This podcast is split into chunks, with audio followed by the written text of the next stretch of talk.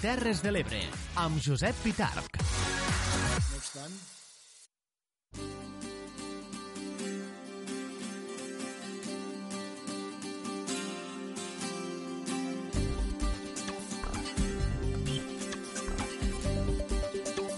Al dia, la tertúlia.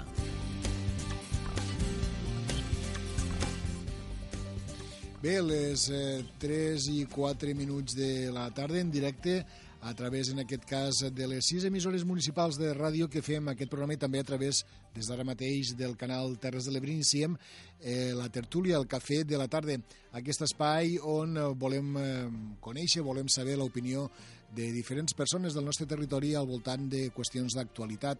I, evidentment, aquesta setmana l'actualitat té nom propi i nom de dona, per desgràcia, i és una tempesta, una tempesta que eh, ens ha passat per sobre mm, i mai millor, mm, mai millor dit, ens ha passat eh, i, i ens ha deixat un rastre que no és del tot desitjable.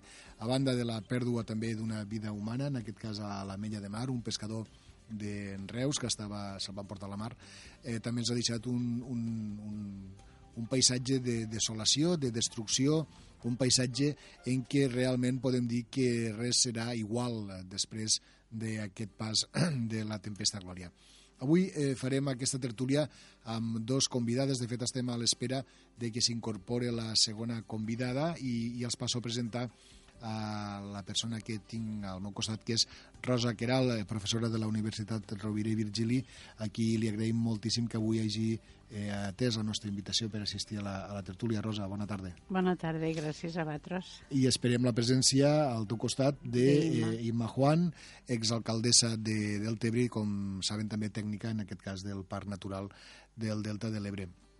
Jo, per a, per a començar, mentre fem temps esperant a, a Imma, eh, per a començar amb tu, Rosa, eh, una mica eh, quina és l'opinió que, que et queda o, que, o què és el que penses després de veure el que ha suposat un, un, un episodi tan catastròfic, podem dir, com el de Glòria. I m'interessa molt la teua, la teua opinió, perquè justament tu eh, vas fer la tesi doctoral sobre catàstrofes, no? a propòsit sí. d'una altra que va passar l'any 78 al nostre territori, el juliol del 78, que no té res que veure en esta, però d'alguna manera sí que la teva experiència a l'hora de, mm, de parlar, a l'hora de tractar no? episodis d'aquestes característiques sí que ens interessa molt.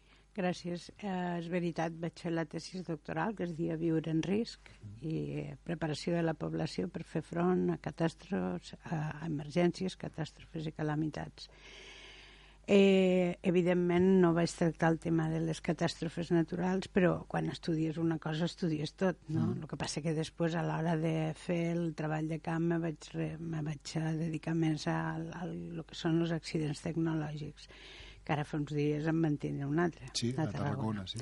I, però sí que, de, clar, vull dir, estudies i estudies la, la classificació de les, de les catàstrofes i les emergències i el que diuen els, els que en saben, de, els experts, no? Eh, referent a les catàstrofes climatològiques, a l'any 91 ja l'Organització Mundial de la Salut va treure una revista que dia que l'enunciat era les catàstrofes no avisen, estiguem preparats, no? I es referia bàsicament i fonamentalment a les catàstrofes de tipus natural jo puc dir-te que després de tot l'estudi i de, jo diria que sí, que hi ha algunes que potser no avisen, però n'hi ha algunes com les que potser serà el temporal este de Glòria, que sí que ja mos avisen, no? Mm. I és que realment pues, falta llims, falta... Ja se fa fer una, una aproximació massa al mar, hi ha una sèrie de coses en les que sí hi han tingut indicis de que passa coses, però el que passa és que nosaltres tampoc no sabem, estem molt despegats de la natura. I llavors potser no sapiguem veure els signes i els símptomes de lo que ens està mostrant, no? Mm -hmm i potser això ens fa evidentment vulnerables I, i el que et comentava al principi tu quan veus les imatges que bé durant aquests dies hem tingut ocasió de veure fotografies, vídeos de tota mena, eh? des, de, Mm -hmm. des de mm, grans trencades a infraestructures com ara passeigs marítims, per exemple, Sí, sí. o eh, la nostra terra, el delta, per exemple, tot inundat, eh, I peixos morts. peixos morts, mm, en fi, Bé, jo el que, Què pensa, pensaves? jo lo que pensava és que no m'esperava que fos tan pronta. Mm. Val? O sigui, quan, quan seguissis una mica pues, tot el que és la, el- les emergències climàtiques, quan veus que realment hi ha un, una emergència climàtica, quan ja em recordo que va ser pues, als principis de fer els cursos de dona, salut i educació que van portar a, a la Mònica Mònica Garcia, hòstia, bueno, una, una dona del temps, que ara no recordo el cognom, però que està a TV5 o, TV, o TV2, però va fent. I la vam portar i vam aprofitar també per passar, es va passar una pel·lícula sobre, sobre el canvi climàtic i, bueno, tenia l'esperança d'allò de que, que sí, que sé que, que augmentaran les aigües, perquè això jo ho havia llegit també, i tal, però esperava que fos més endavant. Sí, no? és que una mica... Ahir, ahir mateix el secretari d'Estat, eh, el senyor Moran, va dir que s'havia sorprès eh, perquè la planificació que ells tenen de com anirà pujant el nivell de les aigües i com pot afectar a territoris com ara el Delta de l'Ebre fins a l'any 2022 no preveien en cap cas que tingués l'afectació que ha tingut. Per tant, aquestes previsions d'alguna manera s'han avançat en la línia del que tu estàs dient, que t'ha sorprès. Sí, a mi, francament, mm, a veure, mm, clar, te dol molt veure tot això i no, les platges sense sorra, que és el que passarà. Mm-hmm. Eh, la mar que puja. Eh, això ho havia llegit perquè hi ha una sèrie d'illes que ja estan anegades, no? I que han tingut que fer ja marxar del seu lloc de... Però és una, una cosa que, bueno, mm, fins i tot eh, eh, enguany, eh, el mes que ve vindrà la Manola Brunet, que és la directora de la- de l'associació bueno, del clima mm. a nivell mundial. I, i pensava de parlar-ho pues, per allò de que realment fent una mica l'eslògan de la OMS, de la OMS, no? allò de les catàstrofes no avisades, estiguem preparats. I llavors vull dir preparar per a això, per a fer front a aquests canvis. I, i pensava que això es donaria més cap a d'aquí 20 anys o una cosa així, no? I la veritat és que m'ha deixat una bastant colpida veure que, que és això i que vol dir que, que tenim que anar més de pressa en fer allò que realment tenim que fer i que és tan difícil de fer perquè encara hi ha una part de la societat que és molt negacionista Sí, i, que, i que per tant pues, si, si es nega, si un nega un problema és com si no existís. Ja saps que vam tenir la, la cimera de Madrid, del mm, clima, mm. Eh, ara estaven a Davos aquesta setmana, també eh, parlant de temes que, que poden afectar, com ara és el, el medi ambient, i una mica la, la, la conclusió final, podem dir, és que a la cimera de Madrid les grans potències, que en realitat són les que més a dir tenen perquè són les grans mm, productores de, de l'efecte invernacle a través de, de, de les emissions de CO2, eh, van dir directament que no, no existien, és a dir, no, ni Estats Units, ni la Xina, ni Brasil, ni eh, me'n dit algun, me sembla que la Índia tampoc mm. no van dir. Per tant, és veritat que encara hi ha gent que està negant una evidència, una, evi mm. una evidència científica, però que a més a més ens està afectant completament, que és el canvi climàtic. Clar, clar, és un, una negació, però clar, la negació no vol dir no existència, i si vol dir eh, no fer cas, perquè si tu no et prepares per una cosa que ha de passar, doncs evidentment no estàs preparat, i per tant en el moment en què passa no saps com fer-ho, perquè això són a veure, no solament és la vulnerabilitat tecnològica que tenim que fer front, a veure com a la, les arenes uh, paren les onades i que per tant no siguin tan, tan furientes i que per tant no feien tant de mal a la d'allò, sinó també s'ha de preparar culturalment a la gent. I, i això costa molt perquè han passat des de fa molts anys a tindre molta cura del medi ambient i tal, vull dir, la gent no, no malgastava i no malmetia, mm -hmm però han passat durant tota una època a, a, a, a gastar i a gastar i a gastar i a, i a produir plàstics des del moment en què van fer les primeres bosses de plàstic, que sempre ho recordo, que ma mare se la va fer la màquina de cosir i tal per anar a comprar peix al mercat, mm. a- està l'ingent quantitat de coses que hi ha ara. Ara hem trobat un no sé quants testos, que també que és normal, perquè s'han portat la riada al, al, un, un, un centre d'estos de flors. Però això vol dir que tens que eh, eh, pelear amb la vulnerabilitat, per exemple, educativa no? i cultural. És de dir, eh, has de pensar en que si tu ets un productor de CO2, a part de les grans empreses, però que, clar, és a nivell global a nivell, i a nivell particular, també la conducció de cotxes a, a trotxa i a motxa, mm -hmm. no? Vull dir que una cosa és estrictament necessària i l'altra és que abans anàvem a estudiar, anàvem a caminant i anàvem en bicicleta i tal, i ara veus que s'aglutinen una quantitat de cotxes a les portes de les escoles que fa fredor. No, no, obstant, eh, ara que dius això, eh, tenim, per exemple, exemples com la, les zones de, de Barcelona, de, de baixes emissions, que han prohibit, segons quin tipus de vehicles, una iniciativa que, per una banda, creiem que és, que és interessant, que, que és bona, no? Però, per, clar, per, per altra banda, em, te pregunto, mm, la, la gent normal, la gent que, que ara ens està veient, que ens està escoltant, que diu, home, a mi me diuen o, o me posen pegues, no?, d'alguna manera, per utilitzar el meu vehicle particular, però en canvi a les grans companyies, sigui de creuers, eh, per, per ficar Sí, un, sí, un sí, exemple, sí, sí. o fins i tot als, als estats, que són els emissors d'estos eh, gasos que ens fan mal, eh, bueno, no, no fan res i no passa res, no? I per tant, al final, una mica, me permetràs la- la- l'expressió, sempre és la poca roba, no?, qui, qui ho, aca- qui ho acaba Claro, pagant. claro. Eh, este pensament que pot tindre la gent va una mica, dificulta una mica això que tu estàs dient, d'esta cultura, no? De, de, de... Sí, però la poca roba no solament paga el pato per aquí, paga el pato quan, quan les Sempre. coses van malament, és a dir, sempre. Sempre. Eh? Llavors, clar, la poca roba també és la que és capaç de canviar, no? Vull dir, perquè jo encara crec en el moviment social que realment es planta perquè, clar, en un moment determinat, qui més pot sempre té, sempre pot, pot anar-se'n en un lloc determinat, els mínims, no? Mm. Però, clar, vull dir, la resta de la gent no. La resta de la gent estem aquí.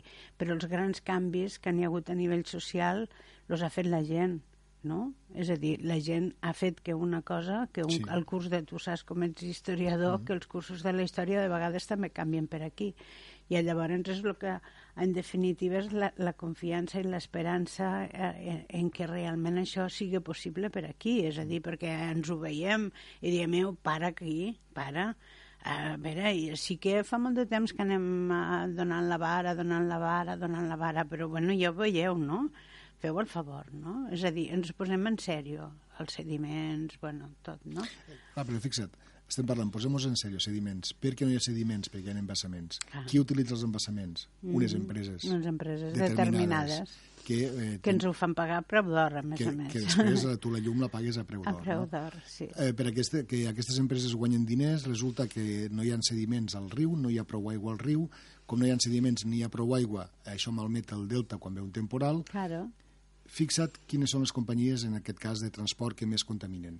Les aèries, Mm palabras mayores, les mayores. i eh, l'altre dia també llegia que una sola companyia de creuers amb els seus vaixells Sí. contamina més que no sé si eren 20 milions de, de cotxes, que es diu Pronte. Que es diu Pronte. Per tant, una mica és la guerra de David contra Goliat, és la guerra contra Sí. el capital, d'alguna manera. És la guerra contra el capital i la globalització. La globalització té coses tan, tan estupendes com, per exemple, que pugues comprar raïm ara perquè ve de Xile, no? Mm. Abans teníem un modus vivendi, per això et dic lo cultural, no? que sabíem quan eren les fruites de tardor i quan eren els productes de tardor i d'hivern i d'estiu.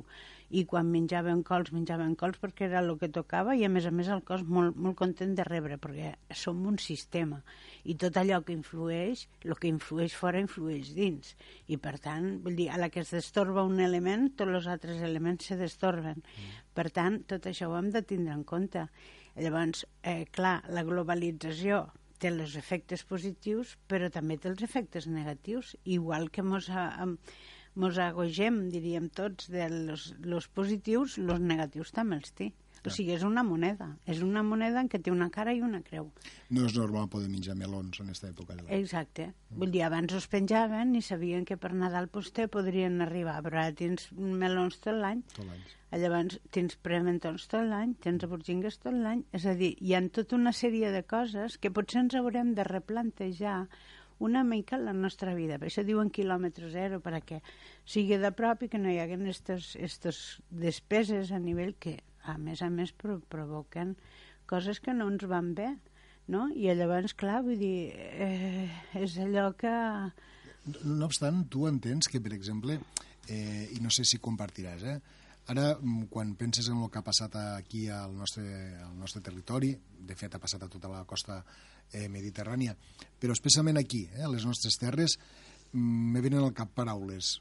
Canvi climàtic, manca d'inversions, no mos afiguren, deixats de la mà de Déu.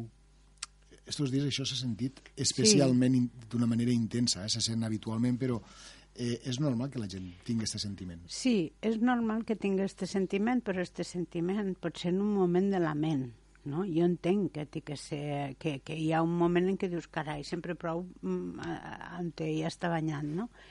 Però no és una cosa que ens porta bé, o sigui, les catàstrofes ens han... Jo, una de les coses que jo vaig disfrutar més perquè no havia sentit mai i vaig descobrir-ho quan va fer la tesis era el concepte de resiliència, mm -hmm. no? que era uh, realment tu davant d'una situació que et passa tant a nivell individual com a nivell, a nivell general, sí. Eh, llavors, vull dir, són una sèrie de coses que tu te fa, que aquell, allò que t'ha passat te mostra un camí que no l'havies vist fins ara i que realment te fas lo suficientment elàstic i permeable per a poder viure este camí diferent. Llavors, este concepte de resiliència, de poder adaptar-se, que a més a més ve del món de l'arquitectura, la, ja no la resistència, del, sinó l'adaptabilitat, la flexibilitat davant dels canvis i de poder saber donar una cosa, en, una resposta contundent en un moment determinat. Mm -hmm. Llavors, jo crec que això, igual amb el concepte de vulnerabilitat, perquè hi havia un, un enginyer de Palo Alto, no, que ha anomenat Zebrowski, que deia no, la casualitat no existeix. Sempre hi ha una sèrie d'elements eh, sindogenètiques que influeixen de manera sistèmica en el que passa. Per tant, has d'anar buscant aquests punts. Mm. Has d'anar buscant, no és un fruit de la casualitat. Moltes vegades el desastre ve de, de falta, no? de l'astre que se t'ha anat, no? Però que no és un desastre, és, és una situació que moltes sí que és veritat que no que t'agafaran desprovistos perquè hi ha riscos que no, que no els pots contro controlar tots, però sí que hi ha moltes coses que sí, i el canvi climàtic està avisant, hi ha una sèrie d'illes que s'estan afonant, hi ha un, unes tempestes que s'estan donant, hi ha unes calors o, o sigui, continuades, i és el que diuen els climatòlegs, que serà unes pluges intenses, eh, curtes, durant, però que faran molt de mal. No és allò del...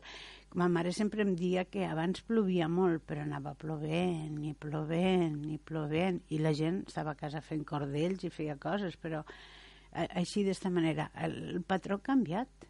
El concepte aquest que tu estàs dient i en tot cas eh, l'ús de les paraules eh, és important perquè inclús la mateixa paraula crisi mm. no és més que canvi. Eh? La seva accepció grega és canvi. canvi. En canvi, mm. nosaltres li donem una, una connotació pejorativa, una connotació eh, d'algo dolent.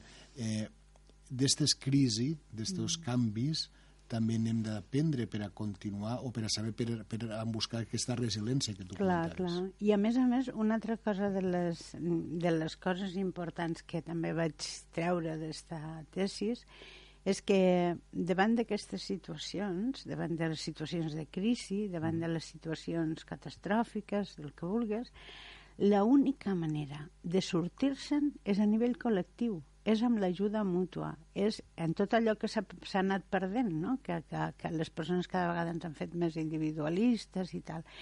És a través de, de, del, del posar-se i, i afrontar-ho tots, perquè és l'única... És que he anat estudiant catàstrofe per catàstrofe, les úniques maneres en què se n'han sortit és quan s'han posat un al costat de l'altre i han tirat endavant. O sigui que tenim els exemples de moltes coses que han passat amb, amb això, no? Sí que és veritat que a nivell territori, a nivell de les Terres de l'Ebre, per posar un col·lectiu ampli, mm. eh, quan, quan s'ha percebut una mica una, una mena de, mm, no diria, bueno, d'agressió o una mena de, de, de eh, se fa com un cos, no? l'exemple el tenim amb la plataforma en defensa mm. de l'Ebre, quan tot el tema del transbassament, que va ser no només un col·lectiu, sinó que va ser el conjunt del territori el que es va Sí, sí, tirar al sí, carrer, sí. I, i em dóna una mica la sensació de que a propòsit del que ha passat aquesta setmana també comença a haver, eh, podem veure les xarxes a, a, per tot Mm. arreu, no? una altra vegada un sentiment de que, de que això, o en sortim tots Mm -hmm. o el barco se'n va, se'n va És que pique. va així, però vull dir que és un barco, a més a més, que no solament és de les Terres de l'Ebre. És, o sigui, En que- este sentit és mundial. En este sentit Sí, sí. És, és mundial i, a més a més, mirem tota la costa, no? Mm. És el que, però, clar, vull dir, nosaltres estem aquí i ens toca per lo nostre, no? Mm. I, per tant, és l'única manera de tirar endavant. Primera, tenim mm, bons tècnics, perquè, vull dir, escoltes estos dies i tenim climatòlegs, gens especialistes en, en mar, en sí. rius. A veure, i s'ha d'escoltar, perquè la gent... Ho, a veure, saps que qui agafa passió per una cosa s'hi posa, no? Pot estar en, co- de, de, fora d'òrbita, però bueno, vull dir que ha de ser una cosa en la que es pelea entre tots i totes, si no, malament. Justament al nostre programa avui hem tingut a un dels eh, una de les autoritats científiques, podem dir, el senyor Nuno Caiola, que és investigador de l'IRTA, mm. eh, científic, i que justament eh, estudia les dinàmiques de la mar i de les aigües continentals també, eh, i, i fer una reflexió i, i que vull compartir amb tu. Eh, diu, a veure, diu, d'estudis científics n'hi ha Sí. molts Mm. i bons. Mm. Per tant, el que s'hauria de fer ja se sap. Mm. Només cal, bàsicament, dos coses. Una és la voluntat de fer-ho i l'altra són els diners necessaris per a fer-ho. Mm. Per tant, al final, eh, el que estem plantejant és simplement una, simplement una qüestió de, de voluntat, entenc jo, política, i, per altra banda, pressupostària, és a dir, els diners necessaris. Mm, Tu t'imagines que hi ha un altre lloc en què un espai natural important, sigui el parc de les, dels Everglades, sigui el, mm, no sé, la gran barrera de corall, sigui eh, el parc de la Camarga, per, per dir-ne mm, alguna cosa, eh, mm, els seus respectius eh, països els tinguessin tan d'alguna manera deixats de la mà de Déu, no em contestes perquè la musiqueta ens diu que hem d'anar a la publicitat i per tant eh, fem una petita aturada i reemprenem la conversa amb Rosa i també amb Imma Juan que està, està a punt d'incorporar-se als nostres estudis després de l'aturada publicitària. Al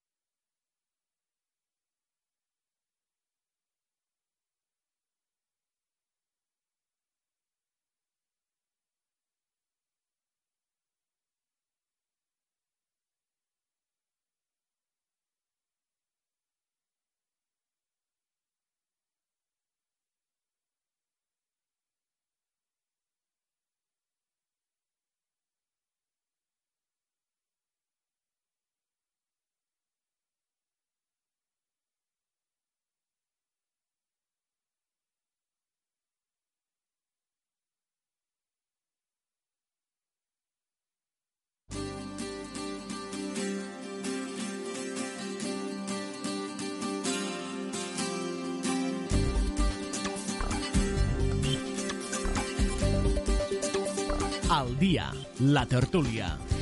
Tornem a estar al Cafè de la Tarda de la Tertúlia, que ja saben, fem de manera conjunta sis emissores municipals de ràdio i també un canal de televisió. En aquest cas són eh, Ràdio Tortosa, Amposta Ràdio, Ràdio Delta del Tebre, la Cala Ràdio, la Mella de Mar, la Plana Ràdio, a Santa Bàrbara i Ràdio Joventut a Mas d'Enverge i a través també eh, del canal eh, Terres de l'Ebre de Televisió.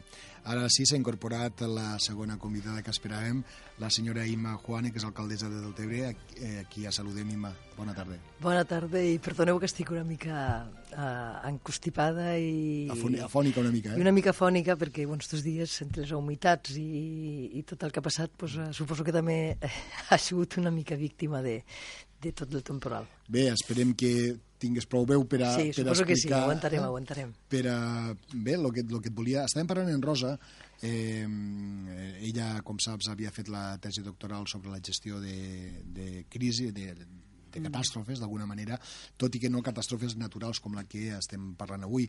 I, i ens feia alguns apunts, no? Eh, de totes maneres, jo el que també li dia a Rosa és eh, si podem entendre que en aquests moments la gent, la ciutadania, tingui aquesta sensació que la tenim molt sovint, però en casos així encara més, de que estem una mica deixats de la mà de Déu. Bé, jo, jo el que primer voldria dir és que ara eh, tenim uns dies que es prima més la part emocional que la part racional. Sí. Per tant, això ja és normal, que ara eh, i això passa en tots els moments de la vida, des d'una enfermetat, ¿vale? algú que, bueno, pues la part emocional sempre té, el primer impacte és el que rebem, no? Mm. I ara, possiblement, eh, vas mirant tot el que està succeint, i xarxes socials, comentaris, vas al supermercat, tothom parla del mateix, i, i, i jo crec que hi ha una miqueta això de dir, bueno, deixem una miqueta que tot això, la part emocional, es calme i entresem a la part racional. Mm -hmm. val? La científica, per tant, en el cas bueno, que ens ocupa. Científica, racional, tècnica i, i inclús emocional, perquè també és veritat que mm, de vegades la pròpia món científic i tècnic poden tindre diferents possibilitats Evident. i aquí sí que després entra una, una mica la part de dir, escolta, hem de defensar el nostre territori d'una manera determinada, també posant els criteris de la gent local, que són una mica també els que viuen aquí, no? Mm. Una vegada jo crec que podrem establir estos, eh, esta racionalitat al tema i l'hem de mirar, sobretot en gelat, no? I, i analitzar que el, el, estos temporals han succeït tota la vida. No? I els temporals, des del punt de vista de regeneració, no són dolents, perquè, de fet, si el, riu, si el delta és un delta, és gràcies als grans temporals que han hagut, sobretot de llevant, que han fet que portés molta sediments al riu i que a poc a poc tot això anés generant lo delta. Mm. Per tant, els temporals també han sigut els que, en el seu moment, històricament, al, al llarg dels segles, han anat creant lo delta. Mm?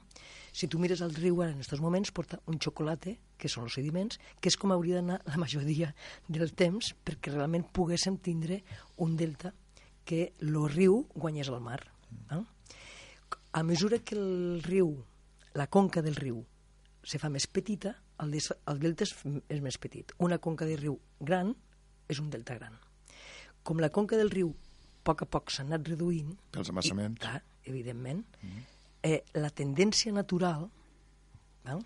que no és natural perquè de fet està obstruïda pels propis embassaments al moment de fer la regulació, no? és que precisament el delta té la tendència a fer-se petit.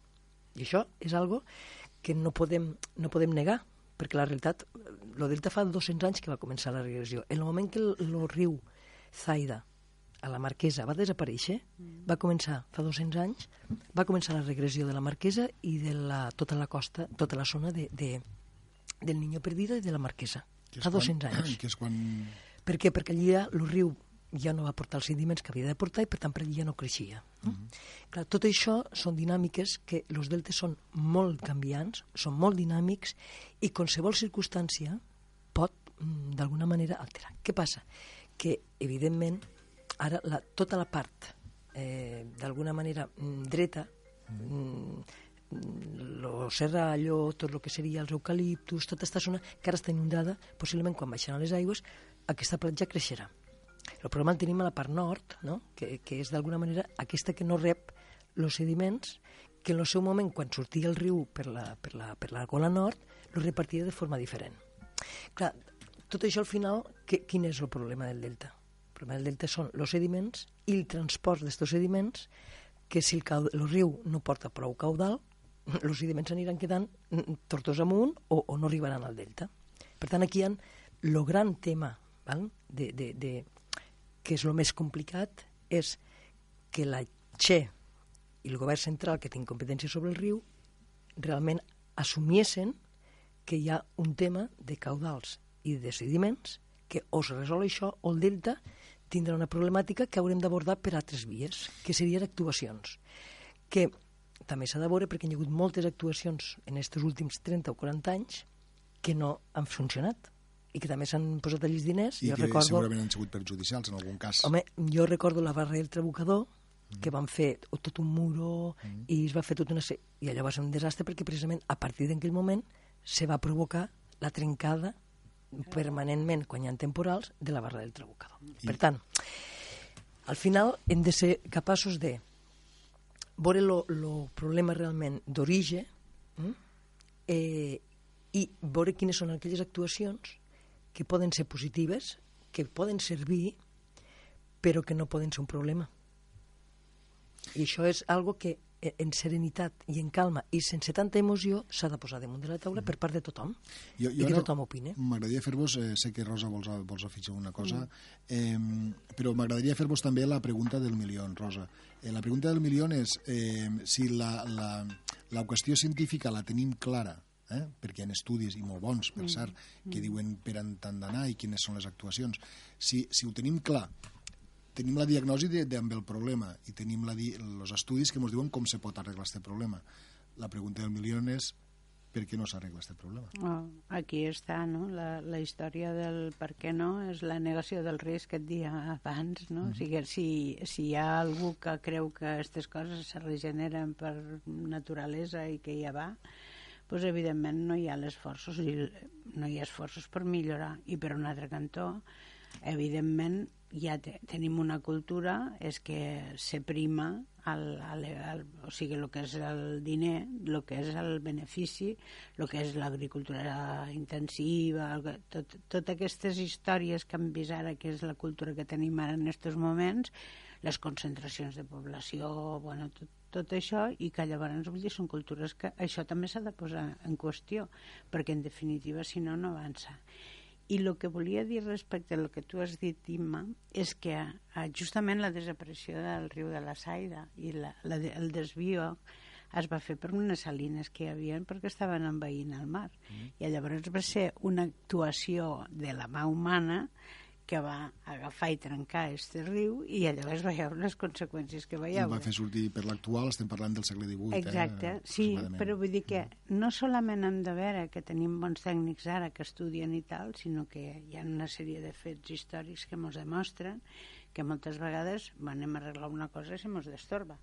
Per tant, sí que s'ha de fer en fred perquè els problemes sempre en la vida, tots individuals i col·lectius, en, en encesa no arribes a res, s'ha de fer en fred però s'ha de tindre en compte el model de cultura que tenim, hem de canviar, hem de canviar el nostre modus vivendi, les nostres prioritats i a més a més hem de fer que aquelles coses que ja es feien al colmateig que tota la vida s'havia fet a les terres d'arròs eh, els arbres que teníem, que en definitiva les raels, vulgues o no, aguanten, aguanten, aguanten la placa. Mm. I tot això, quants arbres han desaparegut al delta?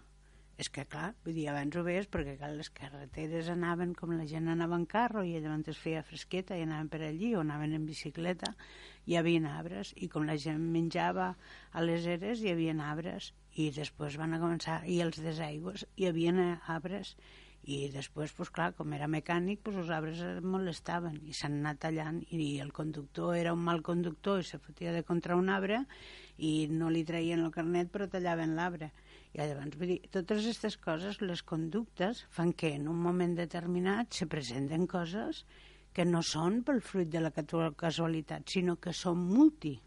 Però una mica aprofitant el que esteu dient les dues, també eh al final estem parlant d'unes prioritats possiblement malenteses, m'explico.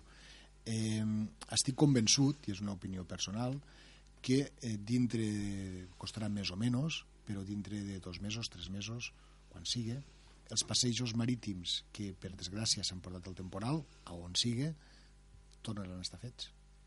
I estic convençut de que d'aquí dos o tres mesos les vies de tren que s'han portat el temporal tornaran a estar en servei. I estic convençut que tot allò que físicament, com a, com a infraestructura, ha trencat el temporal, se refarà. Perquè al final és fàcil. És fàcil, vull dir, és tant com... Eh, tindre els diners, tindre diners, i, pagar les i obres i, i, i ja està, no? En canvi, quan afecta a sectors i, i això bàsicament serà perquè corre, corre que ve la temporada d'estiu, corre, corre que el turisme, corre, corre que les platges, eh? i tot això s'arreglarà. Però per això dic d'este malentès ordre de prioritats. Una, una altra qüestió que afecta al sector primari, si els quadros d'arròs s'han negat i hi ha aigua de la mar, doncs ja el rentaran i si la campanya està bé i si no, doncs ja comprarem arròs de Xina, per dir-te alguna cosa mm. i si les muscleres també han deixat d'existir, doncs ja comprarem musclos de Galícia i si eh, que sé, el peix a la mar no s'agafa, doncs ja el portarem de Marroc, no sé, eh, per dir-vos alguna cosa no? per tant, eh, lo que no, mm, lo que vos estic plantejant és que eh, segons quines coses mm, perquè hi ha molta pressió econòmica, sobretot, eh, els interessos que ens juguem, no? el turisme, déu nhi eh, interessen molt i ràpid i altres interessos, eh, en aquest cas sector primari, bàsicament, que és el que tenim aquí a casa nostra, no entren dintre d'aquestes prioritats, moltes vegades. A veure, jo crec que hem de separar dues coses, no? Una cosa és el que parlàvem abans, no? de quina és la problemàtica del delta des del mm. punt de vista de, de, de lo que és la, la pròpia dinàmica del delta i l'altra cosa són les activitats econòmiques. Econòmiques, sí. Eh? Vull dir, eh, és evident que nosaltres aquí sempre ens han, mos hem comparat, no? Eh, escolta, si a Penyíscola regeneren les platges mm -hmm. cada any, i perquè no es poden regenerar aquí, no? per exemple, era un exemple. Vull dir que aquesta part d'esta sensació una mica de que aquí costa una mica de, de, de que les accions mm, que reivindiquem se vagin executant és, és històric i és veritat. Eh, també és veritat que jo sentia avui que l'Ajuntament de Barcelona demanava 12 milions d'euros. Zona catastròfica, sí. I zona catastròfica, mm. claro. Dius, home, eh, lo que pot assumir del Tebre en 9 milions d'euros en 12.000 habitants o Barcelona en 3 milions, hauria d'hi haure aquí d'alguna manera una compensació en aquells territoris on perquè hi ha poca, eh, poca població, poca població que poguessin arribar realment aquestes ajudes d'una manera més important. Mm -hmm. Jo no dic que Barcelona no es faci, però té més capacitat de poder regenerar-ho, no? per, pels pressupostos que té que no pas un ajuntament petit com els que tota la costa de molts de la, de, de, de, de, de la costa. No? Claro, si mirem avui tot el que ha estat passant del temporal, i tu mires tota la part de Girona, hi ha hagut mm. molts de pagesos que han perdut les collites, sí. eh, d'enciam o de lo que hi havia en aquests moments, o bleda, el que sigui, i han quedat també realment afectats. Claro, eh, això és de les quan hi ha temporals així, els passejos marítims mm, actua a costes directament i, i pot regenerar a través d'urgència, però és el que tu dius, els sectors privats o els sectors eh, primaris eh, no tenen una, una, una administració que tingui competència sobre aquell espai. Llavors són o ajudes o préstecs eh, a baix interès o, clar, este és el tema que l'administració en un camp d'arròs privat no pot actuar. I una musclera tampoc. I una musclera tampoc. L'altra cosa és que sí que pot donar eh, algunes ajudes vale, a fons perdut, o, bueno, que això de fons perdut ja no existeix. Ja no existeix no? Eh, préstecs a, zero, a cost zero, i subvencions per fer algunes actuacions com a... Com, bueno, però, clar, dins de la propietat privada és més complicat que l'administració pugui actuar. Uh mhm. -huh. I aquí està el gran drama que a vegades ens trobem en les, els sectors primaris, en aquest cas, o, o els sectors... Quan una indústria es crema o quan una indústria li passa alguna cosa, no va a l'administració donar-li una subvenció. En tot cas, li, li, li, li podrà també. I això llavors entra dins el mateix paquet del que són propietats privades i acció eh, econòmica privada. I l'administració en això té uns límits. Com se farà? Bueno, pues ara jo ja sentia que, per exemple, a la Direcció General de Turisme va dir a tots els los privats no? que estan a la costa que han rebut impacte sobre això, els hi podrem facilitar la possibilitat d'uns préstecs a zero cost. Mm -hmm. Bueno, d'ajuda sí, però, claro, el problema el tens que no, una subvenció directa no t'arribarà a una, a una activitat privada, no? apunto que comentaves els 9 milions i mig d'euros eh, que són els que ha quantificat l'Ajuntament de Deltebre eh, com, a, com a danys. Mm. Eh, avui també sabíem, per exemple, que eh, els, eh, els productors de, de, Musclos. de musclos i d'ostra eh, han dit que aproximadament calculen uns 4 milions només a la part del fangar. Eh? Que és la més afectada, que ha suposo. afectat perquè els alfacs ha afectat molt Mm. poc eh, el que és esta, este, sector, este sector productiu. Volies afegir alguna cosa, Rosa? Eh, no, volia afegir que la, se podran anar regenerant les platges i tot això, però una de les crisis que se preveuen també de cara al futur, no sé si molt immediat, perquè les coses a vegades te penses que són molt llunyanes i resulta que sí, és la falta d'arena. Mm. Llavors, vull dir que, que això també és un element a plantejar-se. és que la millor protecció, també ho explicava el tècnic aquest matí, la millor protecció que pot hi haure, en aquest cas per al delta, és que les platges siguin grans, Mm, perquè la mateixa arena fa de barrera natural, Sí, és a dir, sí, trenca allí, no? I ell dia, eh, a, a moltes platges abans, vosaltres, bon, els espectadors se'n recordaran, eh, tu entraves a la platja, t'arribava l'aigua Sí, al pit, per exemple, sí, sí. després hi havia un sec. Sí, Allò allò frenava. I este sec és el que feia que la força de les onades, a la majoria de costa, al delta encara hi ha un, alguns llocs que encara està això, que és el, lo sec, no? el que nosaltres diem lo sec. A la majoria de- d'espais de, de la costa este sec ja no existeix, Mm. perquè el posa espigons, el dragà... Ah, el exacte. sé- Sí, sí, sí. I clar, quan ve lo- la onada, quan peta, quan va, és, Peta. és directament en terra. ja. Aquí, aquí eh, jo crec que la problemàtica de la costa, de, de, de les platges, la tindrem no només a Catalunya. No, a nivell mundial. Mundial, sí, sí. perquè tu vas, tu vas a Punta Cana i tenen un problema a les platges, perquè la part dels corals, que era la que d'alguna manera mm, feia de barrera, tot es, eh, hi ha un, bueno, un bitxet que s'està menjant els corals i l'esta barrera està desapareixent. I tu vas a Punta Cana i tenen un problema perquè la gran quantitat d'hotels que hi ha allí, que se'ls ja està arribant la mar dins a la, a, a, als hotels i no saben com parar-ho. És dir, que és una problemàtica global, Sí, sí, ¿vale? global. que possiblement se podran accentuant si pugen pues, els nivells del mar i tal, tot això en la suma de tot. Però vull dir que no, no és un problema només del delta, eh? el tema de les platges. No, no, no. El que passa aquí al delta tenim una oportunitat ¿vale? que no tenen a altres llocs. Que l'oportunitat és que els altres tenen una barrera de- d'edificis o de, que no poden fer res, és a dir, el dia que arribarà allí la platja no podran regenerar platja, i nosaltres aquí tenim platges que podem, ben gestionades i sabent exactament què és el que anem a fer, podem jugar eh, en, en, en tindre platges sempre eh, que, que, que, que, bueno, que, Que paren el cop, d'alguna manera. i que siguin platges eh, per poder utilitzar com a ús de platja ni a l'estiu o, o, o en tota la... Per això dic que mm, hem de ser capaços de eh, mirar de que sí que som, tenim una sèrie de punts negatius, però tenim oportunitats. Si fem les coses ben fetes Jo crec que és el, i amb criteri. crec que és el missatge que ens hem de quedar estos dies. I Sí, és el sí, que hem d'intentar sí. buscar, de dir, ja, la part negativa ja la sabem. Mm. Bueno, doncs ara podem tindre l'oportunitat de veure com podem anar, eh, potser no és una acció en concret, potser són moltes eh, accions diferents, unes més urgents que les altres per, pels tempos, de poder fer, d'alguna manera, alguna cosa que sigui sostenible i a la llarga, en el temps, no m'ho arrepentiéssim com han pogut fer doncs, algunes accions, com, com vaig dir, la, la platja del Trabucador, que allò va ser un desastre. ¿vale? Mm. I ells van deixar 3, mil, 3, 3 milions d'euros que, a més, va complicar tot lo, lo, Que la gestió que que va fer més mal que bé. Sí.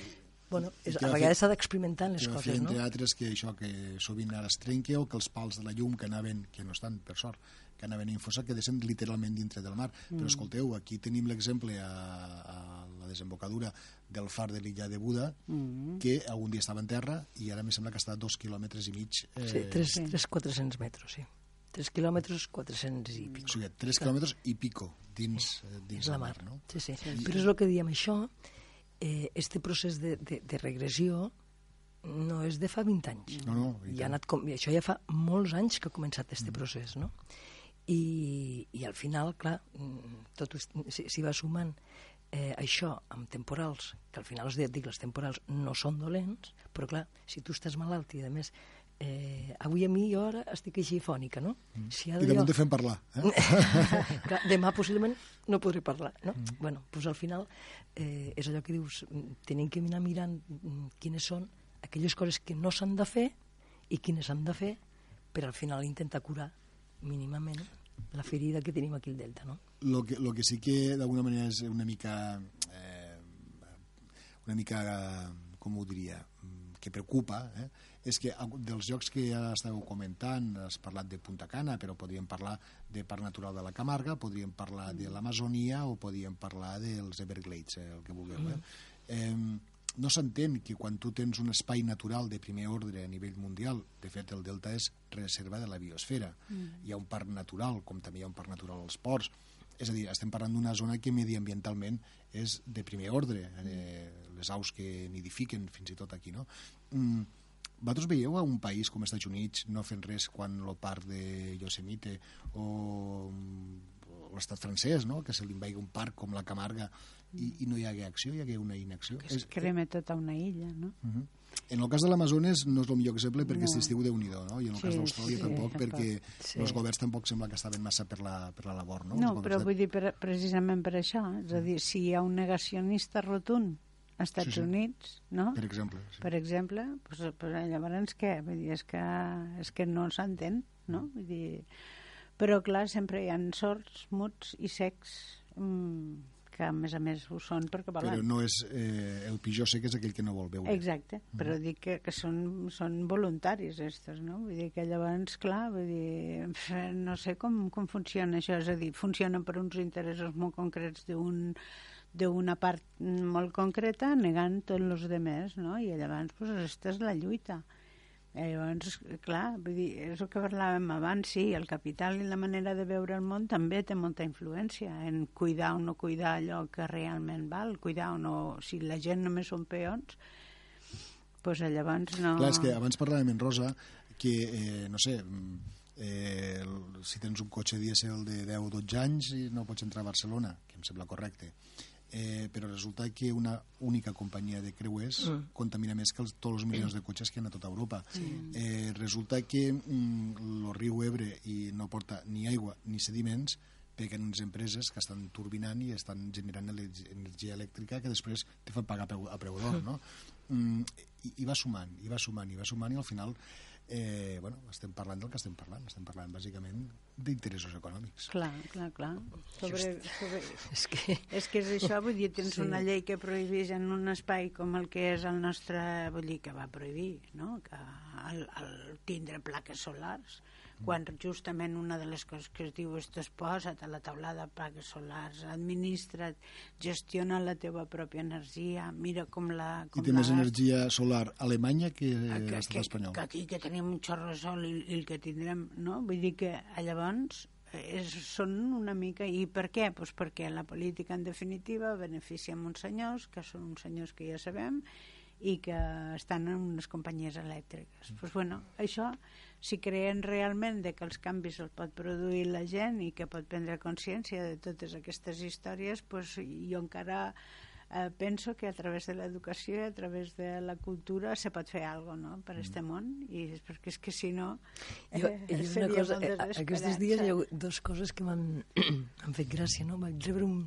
un vídeo que era com si la natura parlés no? i va dir, i la natura de, de milions i milions d'anys va dir, diu, jo l'home no necessito per a res. Exacte. Jo l'home no necessito per a res. I això no, no ho tenim clar nosaltres, eh? Vale. Sí, sí. I l'home, d'alguna manera, mos pensem que podem dominar la natura. Ah, Llavors, hi havia una altra cosa que dia. Mira, jo, i, i en aquest cas jo, quan era joveneta, vaig fer judo. Mm.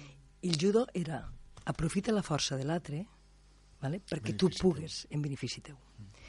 Llavors dius, entenc com funciona la natura, alia't en ella per poder treure un benefici tu.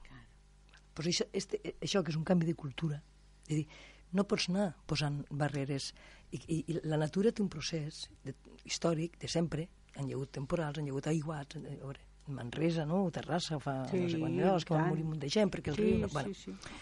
Què han fet la, la, la gent? Pues, grans barreres, grans ciutats, eh, pobles pues, eh, canalitzant rius... Claro, arriba un moment en què després no podem esperar que la natura sigui benèvol. Benèvol, per què? ah. Perquè nosaltres invaïm els seus espais. El que hem de fer és saber que hi ha una forma de, de, de, de no a- de no anar en contra d'ella, sinó aprofitar d'ella. Si la, lo, som un país de sol, per què no aprofitem el sol? Per generar energia. No I si, s'entén. I si tenim vent... I si tenim vent, i si tenim una sèrie de coses, no? Bueno, doncs aquestes coses a vegades dius, eh, és, és una mica absurd, no? Que tingues que... Eh, tots els recursos que tenim i que no els puguis aprofitar. Sí, però, perdó, això, això va ràpidament per, la, per un fet cultural, i és que ens creiem infal·libles. És a dir, l'home és el centre del món, i ens ho han dit així, i a més diuen l'home, no la dona tampoc, no? I llavors, a més, ens ho creiem. Som tan ingenus que ens arribem a creure tota esta, esta pel·lícula i llavors esta, ens fem un ego grandiós i tot el demés no compta. Jo, eh, no sé, vostès, jo em quedaria avui en un missatge de... Eh, eh, no d'esperança, perquè sempre s'ha de tenir, sinó d'oportunitat, que estaven dient tant Inma com Rosa. En aquest cas eh, tenim una oportunitat sempre i quan no haguéssim arribat en aquest punt de no retorn que esperem que, que encara quede molt lluny eh, per a la subsistència del nostre territori, concretament del Delta de l'Ebre. Irma Juan, Rosa Queral, a les dos, moltíssimes gràcies per acompanyar-nos en aquesta tertúlia. Gràcies a vosaltres. Gràcies a vosaltres. I a tots vostès només en resta eh, desitjar-los que acaben de passar molt bon cap de setmana. Diuen que diumenge sol eh, i tindrem bona hora per a poder gaudir eh, de les activitats que solen fer en cap de setmana aquí al nostre territori. Acaben de passar molt bona jornada de divendres i fins dilluns.